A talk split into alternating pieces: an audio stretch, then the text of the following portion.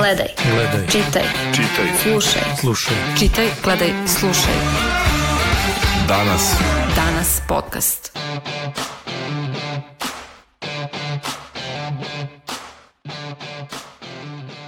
E, Slušajte novu epizodu podcasta danasa. Ono što je svakako bila jedna od najznačajnijih e, vesti ove nedelje jeste to da je e, početo sa, započeto sa davanjem treće doze vakcine protiv koronavirusa građanima u Srbiji. Ovu dozu mogu da prime oni kojima je prošlo najmanje šest meseci od kad su primili drugu dozu i za nju nije potrebno da se građani prijavljuju na e-upravi, već će dobiti instrukcije SMS-om šta treba da rade i gde treba da idu. Upravo o ovoj temi razgovaram sa mojim današnjim gostima, epidemiologom Zoranom Radovanovićem i urednikom portala Danasa Bojanom Cvejićem. Ja sam Vojislav Stojsavljević. Evo Bojane, krenut ću od tebe. Ti si među prvima primio ove prve dve doze vakcine i sada si među prvima i dobio SMS e, da možeš da dođeš na treću. Pa ajde ti nam objasni malo kako to funkcioniše. Da li znaš sad gde treba da ideš i šta da radiš? Pa da, ja, ja sam dobio, ja, ja sam revakcinisan ovaj 12. februara i do, iako je krenulo slanje tog obaveštenja utorak 17. augusta, mislim ja sam već dobio juče. Nisam očekivao da će tako brzo biti, mislim bar nekih prvih, ovih narednih nedelju, dve, ali juče mi je stigla poruka, poruka, poruka i e-mail koje glase da, da sam ispunio u, uslov da primim treću dozu, pošto mi je prošlo šest meseci od revakcine i da pratim na sajtu e-uprave dalju proceduru. E, procedura mislim, izgleda tako što na, na sajtu e-uprave piše da mi sami treba da se javimo e, nadležnom matičnom domu zdravlja i da se raspitamo za termin. Tamo takođe postoji čitav spisak svih ovaj, domova zdravlja i institucije gde se daje treća doza. Tako da sam ja pozvao odmah juče ovaj, svoj dom zdravlja i tamo su mi čak rekli da ne treba ništa se zakazuje, da dođem bilo koji dan između 8 i, i 15 časova popodne. A imaju sve vakcine, možeš da primi. E pa pre nego što sam stigao da pitam da li ima neke vakcine, već su mi spustili slušalicu, ali ja se nadam da u ovom trenutku ima vakcina, pošto nije neka navala i gužva ovaj, ni za prvu dozu, kamoli za treću. Da. Evo, Zorane, da nam vi e, za početak objasnite kao iskusan epidemiolog šta sad nama znači ova treća doza i koliko je ona bezbedna za građane? A vakcine su bezbedne. Da nisu, ne bi e, bilo ni dozvoljeno da se koriste. Mislio sam konkretno na treću dozu. Sa... Treća doza a, je potrebna i to je a, potez zdravstvenih vlasti i države koji je za pohvalu.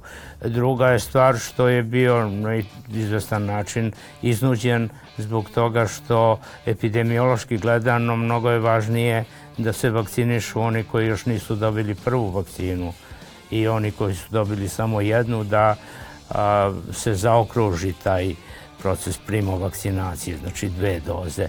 Ali pošto se tu stalo, oni koji nisu do sada vakcinisani ne pokazuju nikakav interes ni želju da promene svoju odluku, onda a, je bilo o, razumno, celishodno, opravdano da se ponudi ostalim građanima koji su već vakcinisani ukoliko je prošlo šest meseci i to posebno ima logike zbog ovog delta soja za koji zaista a, postoje dokazi da ugrožava i one vakcinisane i da zaštita od njega traje kraće, zato što a, titar, znači nivo antitela u organizmu koji je bio dovoljan da štiti od prethodnih e, varijanti, od one vuhanske, originalne, od e, britanskog, od e, južnoafričkog, brazilskog soja, ovde kad je u pitanju taj delta, odnosno indijski soj, a, zakazuje.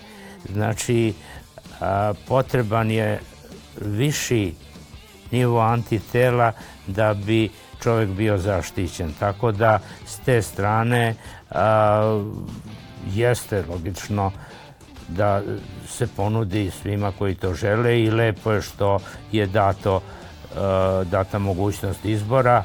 A, koliko vidim na jugu Srbije najčešće biraju kinesku vakcinu a ovde u Beogradu opet nezvanično izgleda da je najpopularnija Pfizerova vakcina. Evo, baš ste mi sad dali uvod u sledeće pitanje. Baš si ti, Cvejiću, si primio kinesku vakcinu prvi put. Sad si rekao da hoćeš Pfizera, pa ćeš malo da nam objasniš zašto si sad odabrao baš nju. Pa da, e, evo ja ću kažem, znači ja, ja sam primio kinesku Sinopharm vakcinu jer u tom trenutku su te uglavnom bile dostupne. Meni, da kažem, bi bilo sve jedno vakcina je vakcina, što bi rekli doktori, bitno da se zaštitimo. Dakle, sam primio tu Sinopharm vakcinu. Proveravali smo svi zajedno u danas u kolektivno antitela. Ja sam bio jedan od dvoje koji nisu imali ta antitela. I proveravao sam posle toga još dva put, nisam takođe imao. I kada sam čuo sada da, da se uvodi treća doza, odmah sam rešio da, da ću primiti čim to, to bude mogao. Za svaki slučaj, ja sam otišao pre neki dan da proverim opet antitela, da vidim da se slučajno nisu stvorila, da nisam možda preležao kada sam se vratio s mora ili slično, da sam imao možda neki asimptomatski slučaj.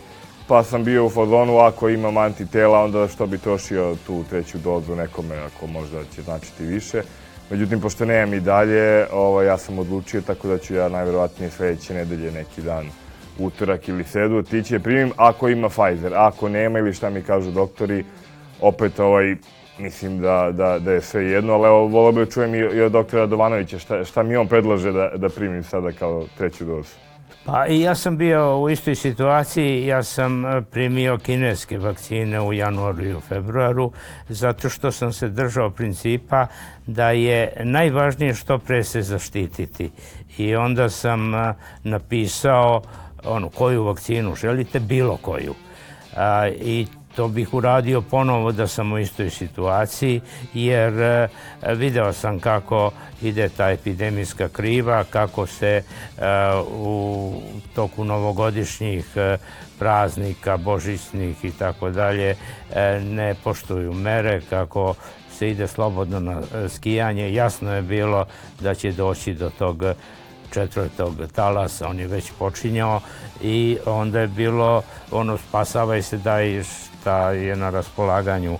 A e, sada, a kada već može da se bira, e, posebno ja sam imao i dodatne razloge jer kineska vakcina e, slabije štiti starije građane. Znači, za ljude mog uzrasta celishodnije da se opredeli za neku drugu, a ako već može da se bira, a može, onda ta američka vakcina, u stvari to su dve zasnovane na istoj tehnologiji, to je Pfizerova i ova Moderna. E, Moderna će idućeg meseca stići u našu zemlju, odbe su podjednako dobre i onda to bih preporučio i vama. A, dakle, one pružaju u visokom procentu sigurnu zaštitu i dugotrajniju nego recimo kineska vakcina. E sad jedini problem je što i tu za razliku od onih ranijih varijanti kada je ova vakcina relativno sigurno štitila, sada je ta zaštita manja. Recimo jedna doza, i to je sad vaš problem, a, Pfizera štiti 33% od delta soja. Znači, to nije impresivna zaštita. Tek ako se dobiju dve doze u razmaku od tri nedelje, onda zaštita ide, e, sad zavisi kako se definiše, zaštita od e, zaražavanja je negde 88%, ali od hospitalizacije ide na 94%. Da, da, to, sam baš teo da vas pitam, kako sad moj organizam posle šest meseci kad nisam imao antitela prepoznaje tu treću dozu? Da li je to kao, e, kao deo te prve pa neka druga revakcinacija ili ću ja sad dobiti jednu dozu kao da nisam ni imao vakcinu pa ipak je potrebna mi i druga? Pa e, tu sad postoji razlika. Oni koji su imali loš odgovor imunski, znači ispod one arbitrarno određene granice koja se razlikuje od laboratorije do laboratorije. Negde je 1, negde je 50, a negde 20. Odnosno siva zona je 15 do 20. E sad, ako je neko umesto 1 imao 0,3, to je negativno. Ili ako je imao a, 20, a granica je 50. Međutim, on je ipak imao neki odgovor. Tako da tu a, ta treća doza će ipak a, pomoći, ostale su neke memorijske ćelije, to je sad druga gram, to je ćelijski imunitet i to će nekako biti svaćeno kao revakcinacija. Ali ako ste baš imali nulu, ako nikakav odgovor e, nije a, konstatovan, onda je moguće da će ovo biti kao primo vakcinacija.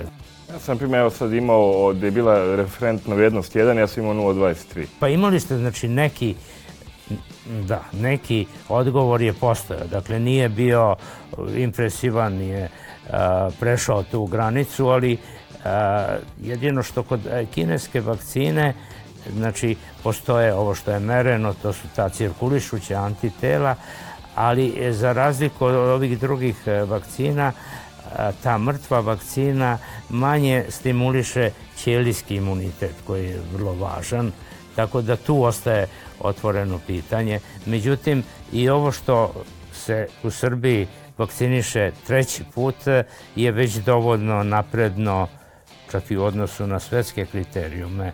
Tu postoje zemlje, e, naravno Emirati su još ranije, ovaj, Izrael je vakcinisao po treći put više od milion od svojih 9 miliona e, stanovnika. E, u nekim drugim zemljama treća doza se daje samo posebnim kategorijama stanovništa koji su naročito ugroženi.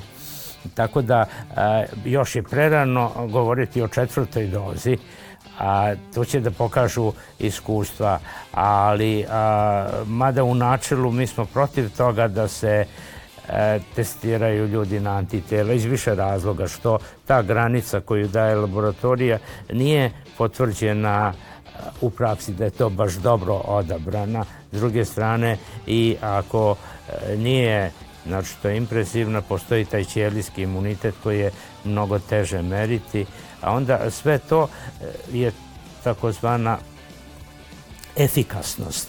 To je kao kad e,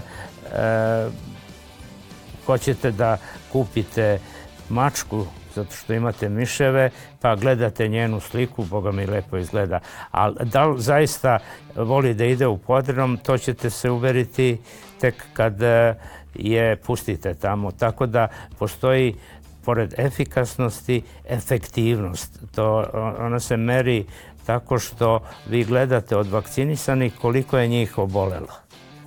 E sad, to je onda mnogo važnije. To je ono što, znači, uh, merenje antitela to je jedna aproksimativna, indirektna metoda da mi sudimo da li će neko oboleti ili ne i tu mogu da budu iznenađenje i ne postoji čarobna granica, neko će ostati pošteđen sa nešto nižim nivom antitela, neko će oboleti kako ima nešto viši, ali ono što je bitno a, da pratite obolevanje vakcinisanih i nevakcinisanih. I tu sad a, postoje te razlike. A, evo i kod nas recimo kod studenta u Beogradu 33% zaraženih su bili vakcinisani. Htio bih da sad ajde da ostanemo još malo na tome, da razjasnimo do kraja. Znači, svejedno je bilo koju vakcinu mi da smo primili, sad možemo primimo bilo koju drugu, nema nikakvih prepreka u tim kombinacijama. Ili recimo, ako odlučimo primimo opet istu. Pa, u klasičnoj epidemiologiji obično se ide za tim da čovjek dobija istu vakcinu ako je započeo, ali nema razloga i da se ne promeni. Ovde iskustva koja postoja, već ima dovoljno iskustava, recimo u Emiratima na 2-3 e, miliona ljudi u ovaj, nekim drugim zemljama veće ili manje serije, ali pokazalo se da a, kada se promeni recimo u Nemačkoj e, mnogi su prešli sa AstraZeneca koju su dobili kao prvu dozu na Pfizera kao drugu pokazalo se da je reakcija ista ili čak bolja. Da je znači, efekat bolji nego kad se da i od dve doze iste vakcine. Jedino što a, ta neželjena dejstva neposredno posle vakcinacije, to je bol, temperatura, eventualno glavobolja, što traje dan, dva ili tri, su a, često izraženija kada se menja a, vakcina, ali to je toliko beznačajan a, faktor da ne sprečava čoveka da ide na, a, kada već može da bira na ono što je najbolje. Ja sam samo nešto isto se nadovežem kada je taj period revakcine. Evo, na primjer, e, neke zemlje, po- pošto ono, kada putujemo, potrebno nam je skoro svuda ta potvrda vakcinacije, taj sertifikat. Neke zemlje imaju ograničen rok važenja tog sertifikata. Evo, na primjer, u Hrvatskoj je do pre mesec dana to, e, taj rok važenja bio 210 dana ili 7 meseci, pa su produžili na 270 dana. I šta onda, e, ako nam, nas neke zemlje uslovljavaju na taj neki period, koliko ćemo mi onda često inače morati da se vakcinišemo no, da bismo mogli normalno da živimo uopšte? Ideja je bila, recimo, Pfizer je pre dva meseca, koliko se sećam, podneo američkoj upravi za hranu i lekove. To je institucija koja odgovara Evropskoj agenciji za lekove u zapadnoj Evropi, odnosno u Evropskoj uniji, a predlog da svi koji su dobili dve doze Pfizera posle šest meseci dobiju i treću. Ali argument im nije bio zbog toga što će da se zaraze, nego da ko dobije tu booster ili rapel dozu, onda će biti zaštićen, oni su rekli, više godina, a možda i dugo godina. Znači više ili dugogodišnja zaštita. Međutim, što se tiče delta soja, to baš nije tako, zato što e, za zaštitu je potreban znatno viši titar antitela. Znači, jave se antitela, posle tri e, sedmice su na vrhuncu, onda vremenom opadaju. E sad, zbog delta soja hvata, recimo, skoro je bilo pa je izazvalo nerazumevanje juče prekjuče u novinama da a, za AstraZeneca i za Pfizer a, posle tri meseca opada. To nije baš onako kao sekirčetom presečeno do tog da, datuma do tri meseca potpuna zaštita, posle toga nikakvo, nego jednostavno a, procenjeno je da posle tri meseca znatno opada a, nivo antitela i sad tu je onda zaštita manje e, sigurna. I a, zbog toga, evo, to je razlog više što ova odluka našeg ministarstva, e, naših vlasti ima opravdanja. Ali ja i dalje kažem, ne znam šta, šta sad, meni sad i ova treća doza se računa kao u revakcinu. Kad prođe neki period i sad, na primjer, ne mogu nigde da putujem, šta onda? Da biste putovali e, u Ameriku, na primjer, vama su potrebne dve doze. Znam li oni imaju rok važenja kao što u Hrvatskoj, na primjer, imaju? A, koliko znam, a tu nisam siguran, a, Amerikanci nisu a, uslovili na taj način. Tako da ako imate dve doze, vi ste e, u nekim zemljama uz vakcinaciju, potvrdu o vakcinaciji, traže i test, a neki ne priznaju u zapadnoj Evropi ruske i kineske vakcine zato što nisu dobile saglasnost Evropske agencije za lekove. Dakle, postoje razlike. Čovjek mora za svaku zemlju da proveri koji su kriterijumi i da nisu u međuvremenu menjani. Jer, kako ste rekli, za Hrvatsku menja se, pomeri se rok, ide se u jednom ili u drugom smeru, ili zaoštre ili popuste.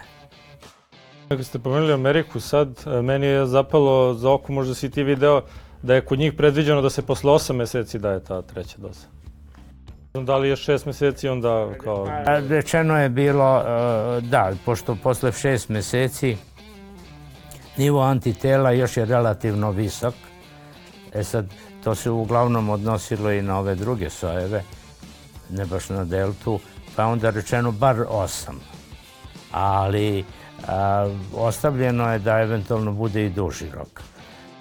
E, Evo, ajde da vas pitam, kako mislite, kako mislite će biti sad odziv građana za ovu treću dozu? Pošto videli smo ni za prve dve nije bio baš toliki, a ja koliko sam uspeo nekako da upijem iz svog okruženja, čini se ljudi sad još manje zainteresovani za, za ovu neku treću dozu. Čak i oni koji su primili prve dve, sad su već kao, valjda im je muka više od svega i onda... Pa ta- tako i meni delo, ja sam mislio da ovaj deo stanovništva koji se vakciniše, da će sutradan kad bude morao ponovo, da će opet to biti taj isti deo, a da ovaj deo koji ne želi, da jednostavno možda nikad neće ni želeti. Ovaj. Ali da, ja sam isto primetio da za treću dozu nije toliko interesovanje, jer ljudi misle da im je dovoljno da su bile te dve doze. Pritom je toliko sve opušteno ovaj, u, u državi, društvu i gradu da... Gubili su ljudi da osjećaju te tenzije i toga da... Tako, evo, ja sam ušao pre neki dan u, u trolejbus, posle, ne znam, par nedelja, i očekivao sam da će možda sad malo više ljudi nositi maske, pošto smo prešli ove brojke dnevne od hiljadu i po. Međutim, trolejbus je bio pun, ja sam jedini nosio masku. Znači, niko, i ja se pitam da li postoje te inspekcije, da li su te mere dalje na snazi. I ma... Jeste, ja uđem u prodavnicu, isto tako čak ni kasiri i to ljudi ne nose više maske, on skroz. Pa to je, opustilo se, e, niko ne kontroliše, a ako već e, e, postoje mere i ako su propisane kao obavezne, onda tu i država gubi na autoritetu ako ne drži e, do onoga što smatra potrebnim. Dakle, ako postoji neka norma, onda e, inspekcijske službe bi to morale da primenjuju i da insistiraju i da kažnjavaju. Dakle, zakonske osnove postoje, to je sve precizirano i u zakonu o zaštiti stanovništva od zaraznih bolesti, nego jedino a, ispada da i država neće da bude a, po tom pitanju stroga prema građanima, da ih ne bi revoltirala. A o, što se odziva tiče, ne bih ja bio toliki pesimista. Znači, polovina odraslih građana koja neće da se vakciniše, to je tako i tu bez neke e, posebne akcije zdravstvenog prosvećivanja, ubeđivanja, to neće da se izmeni. Neki skok bi se javio ako bi se za određene kategorije stanovništva vakcinacija uvela kao obavezna, recimo za zdravstvene radnike. To evo, na tome se sad radi. E, za neke e, sektore vojske i policije, vatrogasce, ono što je vitalno za održavanje funkcija države. A, tu bi se onda nešto malo izmenilo, ali stvar je u tome što e, malo ljudi je vakcinisano pre, odnosno revakcinisano pre 19. februara. I ti koji, su, koji jesu, o, mnogi od njih su već bili a, na tim vakci, vakcinalnim punktovima i kako se stiče taj uslov od šest meseci, ja mislim da oni koji su primili dve doze u velikoj meri će otići da prime i treću. A ne znam, evo sad spomenuti to, ta 50% stanovništva recimo koji ne žele da se vakcinišu, ne možemo tek tako kao da odustanemo jer onda mi se čini nekako da sve ovo što mi se vakcinišemo i radimo da nekako nema nikakvog smisla, to se nikad neće završiti, bit će neprestani krug. Na koji način mi da, da motivišemo te ljude da ipak pristanu? I ne znam, evo, ajde sad, e, pomenuli ste to obaveznu vakcinaciju za, da li biste podržali vi, a evo i Cvejiću ti može kažeš, da li biste podržali to da se uvede obavezna vakcinacija za zdravstvene radnike? Za zdravstvene radnike, apsolutno, zato što je to e, i profesionalno, ali i moralno pitanje. E, sramota je da zdravstveni radnik ode u ordinaciju ili u hirušku salu i da zarazi bolesnika koji će već mu je duša u nosu zbog toga da umre. Dakle, s jedne strane nemoralno je da zaražava druge, a s druge strane i da on bude bolestan zato što nije hteo da se vakciniše u vreme kada je najpotrebniji, kad je recimo u toku naredni talas, evo jesenji talas, peti talas epidemije. Tako da za e, zdravstvene radnike to je apsolutno neprihvatljivo da imaju neke rezerve, znači to je kao da sveštenik e, ide u bordel ili u kockarnicu ili ovaj, na plavi most. To je nešto što se jednostavno ne radi.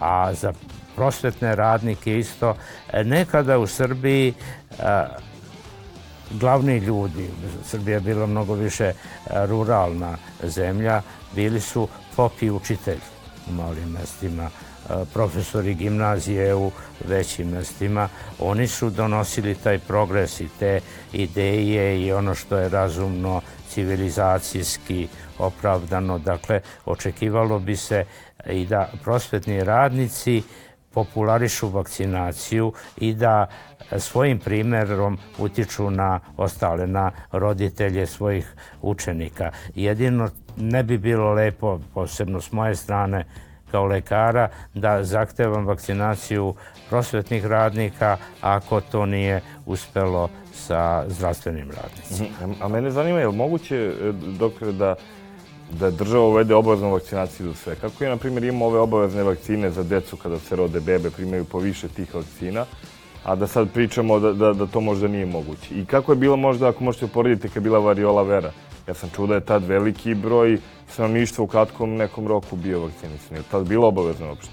Bila je obavezna, vakcinisano preko 18 miliona od 22-23 miliona a, građana i bivše zemlje, ali Tad su ljudi čak hrlili da budu vakcinisani, međutim, variola je bila mnogo ozbiljnija bolest. Mi smo imali 20% smrtnost. Svaki peti oboleli e, nije preživeo. 35 umrlih od 175 zvanično zaraženih. Dakle, e, tad su ljudi bili motivisani, uplašeni, bili su redovi za vakcinaciju i za taj hiperimuni gama globulin. A što se zakonske osnove tiče, sve je jasno. Od 19. februara prošle godine mi smo u vanrednoj situaciji. Znači, to nije vanredno stanje, nego vanredna situacija. Proglašena epidemija od većeg epidemiološkog značaja po članu 52 zakona o zaštiti stanovništva od zaraznih bolesti. To je isti zakon po kome je pre 49, skoro 50 godina bila proglašena ovaj, obavezna vakcinacija protiv velikih boginja. Dakle, e, ministar zdravlja može sam, bez vlade, bez e, bilo koga drugog, da naredi obaveznu imunizaciju. E sad, pošto je ovde smrtnost manja, e, ne bi bilo celishodno da naredi za celokupnu populaciju, ali nema nikakve prepreke da to bude za određene kategorije zaposlenih. I onda vidim e, juče i u pečatu da to nije protiv, e, da je e, neustavno i neke velike reči. Po tom pitanju postoje ti antivakcinaši, e, borci za navodnu slobodu. Sve je jasno i u Srbiji i u drugim zemljama E, zna se e, šta demokratski principi propisuju. Ja mogu da radim šta hoću, znači imam pravo, slobodu da sam odlučujem, ali u meri da ne ugrožavam druge. Znači kad pređem tu granicu, kada moje pravo na slobodu odlučivanja ugrožava druge, e onda tu interveniše država. I tako je u celom civilizovanom svetu. Sam navodio primere, recimo, ako neko ima rak, može da se leči ili ne leči. Ali ako ima tuberkulozu, ne može da kaže, e, ja baš volim da i dalje predajem đacima, zato što sam učitelj i to je moj poziv i da im kašlje i da ih zaražava. Ne može odmah o, se izoluje i mora da se leči. Isto tako, ako neko ima e, gonoreju ili sifilis, ne može da kaže ja volim slobodnu ljubav i ovaj, zaražavaću druge. Ima primjera e, ne samo u istoriji medicine, nego i u svakodnevnoj praksi. Oni koji su tako radili bili su hapšeni. Dakle, e, ne može zarazna bolest da se rasejava. I e, to je bilo na tapetu 2017. godine. Ustavni sud Srbije je konstatovao da obavezna vakcinacija nije protiv Ustava i zakona. Isto to sličnim povodom odlučuje Ustavni sud Hrvatske 2014. godine. E, naši su e, pokušavali, ti naši antivakcinaši, da se obrate Evropskom sudu za ljudska prava. Taj sud je aprila ove godine ili neka grupa Čeha je tražila takva svoja prava da zaražava druge, konstatovao da je vakcinacija, obavezna vakcinacija, ako situacija zahteva opravdana i zakonita. Tako da, što se ustava i zakona tiče, sve je jasno. Pa da, ja svakako mislim da to i nije do ustava i zakona, više tu do političkog rejtinga, jer je država svesna da kad bi uvela tako nešto da bi to jako loše uticalo na njihov rejting. Ali eto, htio bi još malo se zadržimo na tome, meni se čini nekako da upravo bez toga, recimo ako ne vakcinišemo sve, ako ne uvedemo obavezno vakcinišemo sve, nego samo za lekare, da mi nećemo postići ništa time. Pa ne, postići ćemo dosta. Prvo, ti e, lekari neće biti sejači zaraze, drugo delovaće svojim primerom. Da, ali neće upravo zato što će biti primorani da se vakciniše. Taj deo koji nije hteo da se vakciniše, ljudi će i dalje znati da oni nisu hteli. To je jedna tragična situacija niskog obrazovnog e, nivoa naših zdravstvenih radnika. A, lekari se mnogo pre e, opredeljuju za vakcinaciju od srednjeg i višeg medicinskog kadra. Znači, mnogo veći otpor pružaju medicinske sestre i tehničari, zato što čitaju sve te gluposti po internetu. E, što vi imate manje znanja, verovatnije da ćete da prihvatite takva prividno logična objašnjenja koja apsolutno ne drže vodu, ali mora čovjek da ima neki prethodni nivo informacija da vidi šta je kredibilni podatak, a šta nije. Tako da e, internet e, sigurno da je e, veliko dostignuće i da pomaže u informisanju, ali jako često i zavede. Ja sam htio da kažem da, da mislim da se vlast upravo plaši tog svoje, jer ne znam da li ste vi primetili na internetu da su ti antivakseri, antimaskeri ovaj, veoma agresivni. Mi smo pokušali kao list danas da ono utičemo malo edukativno kroz neke tekstove, čak na Instagramu smo pa, pravili neke postave zbog čega treba nositi masku, apelovali smo na ljude. Međutim, to toliki, da kažem, nivo i količina tih hejterskih poruka koje smo mi dobili i koje dobijamo svaki put kad nešto objavimo, je prosto neverovatno da nas ljudi pljuju, ko vas je platio da to reklamirate, e, ostavite nas više na miru, nećemo više da vas čitamo. I, i baš nekako agresivno deluju kao, čak neka pomislim kao da su organizovana neka grupa koja kad god se nešto pomene ovaj, o maskama, o, o distanci, da, da bude odgovoran, da odmah krenu da, da napadaju. Nažalost, e, politički nije profitabilno zalagati se za bilo šta što je obavezno, pogotovo za vakcinaciju. I onda ne samo da se vlast usteže, a vlast bi morala nekad da ima i e, ne samo u vidu svoj rating, nego i interes naroda. I tu je ono gde se e, ističe pravi državnik i čovek koji e, ima neki patriotski osjećaj, što će da preseče, makar mu i pao, a, pala popularnost. Ali ovde kod nas je karakteristično da i opozicija izbegava da se izjasni o tome, jer isti je razlog izgubit će deo svojih pristalica. Tako da ono, pa ajde, nek umre ko umre, samo da a, naša popularnost ne trpi što je isto tako etički neprihvatljivo, ali e, to je činjenica. Inače, e, kad pogledate te antivakcinaše, tu se okuplja ekstremna desnica. Oni su naj e, onako a, militantniji, najagresivniji i e, u tom pogledu naj op, op, ovaj, izričitiji, ali s druge strane i na krajnjoj levici vi imate ljudi te koji u ime ljudskih sloboda i prava odbijaju bilo kakvu mogućnost obavezne a, vakcinacije, tako da su to dva pola Eto, konačno nešto što je spojilo levicu i desnicu. I ideološki ekstremi koji su se našli na istoj strani.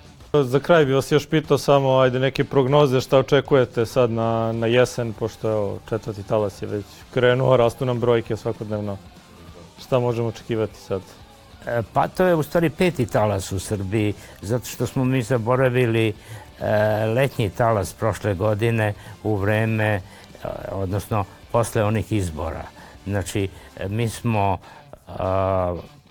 početkom maja, kad je ukinutno to vanredno stanje, digli ruke potpuno od svih mera, e, organizovani su e, skupovi politički, organizovane su utakmice, to ceo svet je obišla slika naših stadiona sa 15-20 hiljada gledalaca i imali smo taj drugi talas koji ne računamo, a, a onda je došao treći je onaj oktobarsko-januarski sa vrhom u decembru i došao je četvrti od kraja januara, februarsko, martovski do aprila je se razvlačio. Dakle, ovo je sada peti talas.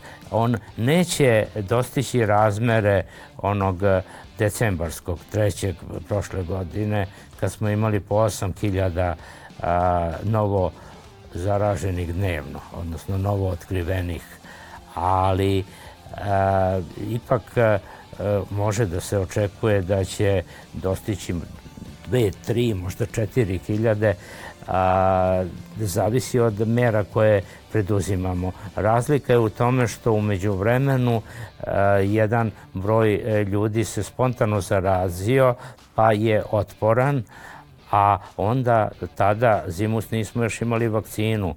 Znači, umeđu vremenu mnogi su vakcinisani, e sad i oni koji su preležali i neki od onih koji su vakcinisani do septembra, oktobra izgubit će taj zaštitni nivo antitela ako neki kao vi već nisu e, izgubili, e, tako da e, zbog toga očekuje se da će taj talas dostići znatne razmere, ali neće prevazići onaj. Znači, ipak je epidemiološka situacija povoljnija i onda kad stignemo do proleća, kasnije ćemo verovatno imati male talasiće, odnosno to će preći u endemiju, znači u bolest koja je stalno prisutna i s kojom ćemo se suočavati samo kao sa gripom.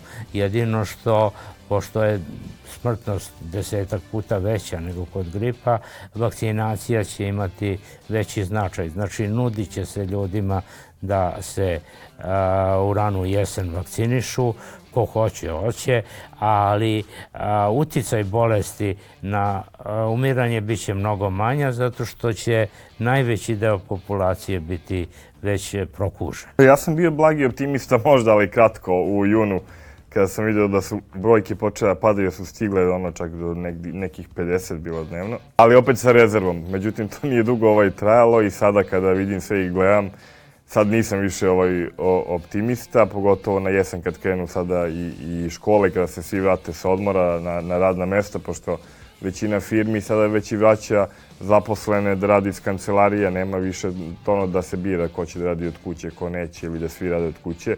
Sve više ljudi sada radi normalno kao što je nekad radilo. Mislim, doktor Vladimić sada odgovori, ja sam baš taj svega pitam, jer na početku pandemije su svi govorili trajeće oko dve godine. Pa mene sad isto zanimalo, odgovorio to da očekujemo, znači od proleća da to bude malo slabije. To je bila procena, procena i na početku, odmah bilo jasno, jer ima takvih primera, znači istutnjaće se, taj e, pandemija će se pretvoriti u endemiju.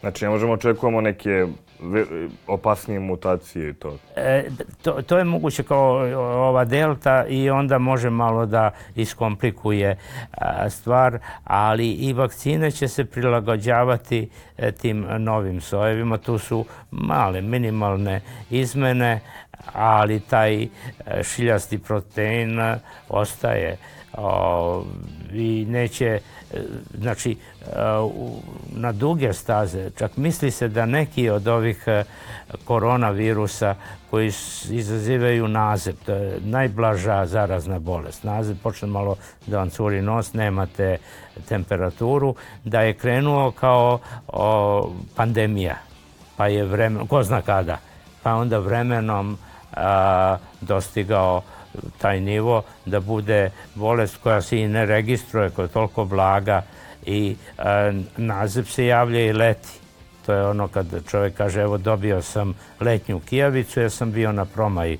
Od promaje ne možete da dobijete e, naziv, dobijete ga zato što vam je u guši i nosu virus ali to je toliko blaga bolest.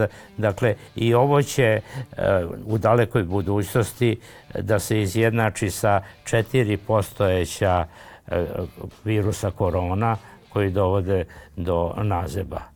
Ali evo, treba samo strpljenja i da to prođe sa što manjih žrtava, zahvaljujući postojanju vakcine, mnogi životi će biti spašeni, a na pojedinačnom nivou evo, odluka je na svakom od nas.